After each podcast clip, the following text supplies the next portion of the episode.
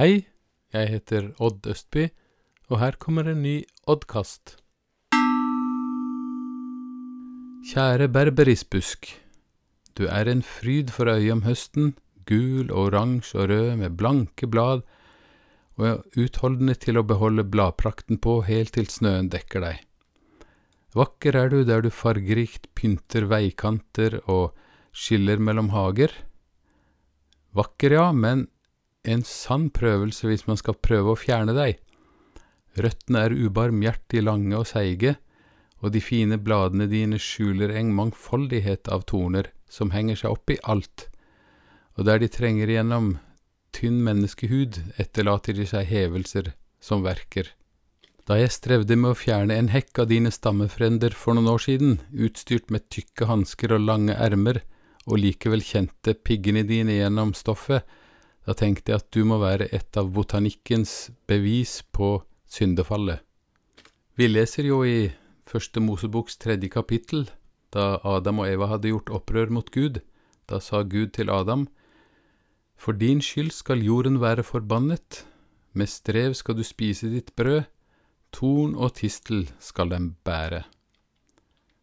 Men så fortsetter min santen tankerekken. For i neste bok i Bibelen så møter vi en av dine slektninger langt ute i ørkenen, og den står i brann.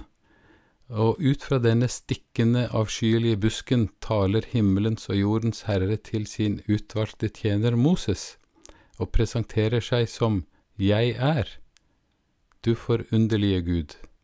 Og sannelig møter vi igjen dine stammefrender i Jesu lignelse om såmannen, der noe av såkornet faller blant torner og blir kvalt. Og kvelertaket det består ikke av massevis av syndige handlinger, men av livets bekymringer, av rikdommens begjær og lysten på mange ting. Men så slår det meg at du må ha noen storebrødre med skikkelig lange torner, for tankerekken om tornenes tilstedeværelse i Bibelen, den topper seg når himmelens og jordens herre blir kronet med torner, lange torner, et skrekkinngytende, smerteinngytende produkt av syndefallet. Men, kjære berberisbusk, dette ble ikke slutten på historien, men det ble begynnelsen til slutten på din eksistens og all annen konsekvens av menneskenes opprør mot Gud.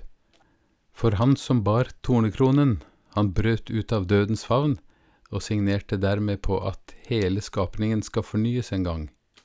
Det kan vi lese om i Romerbrevets åttende kapittel. Og da, kjære berberisbusk, da forestiller jeg meg at du vil opp, gjenoppstå like vakker, men med den forskjellen at da kan jeg stryke dine vakre blad uten å bli stukket av sinte torner.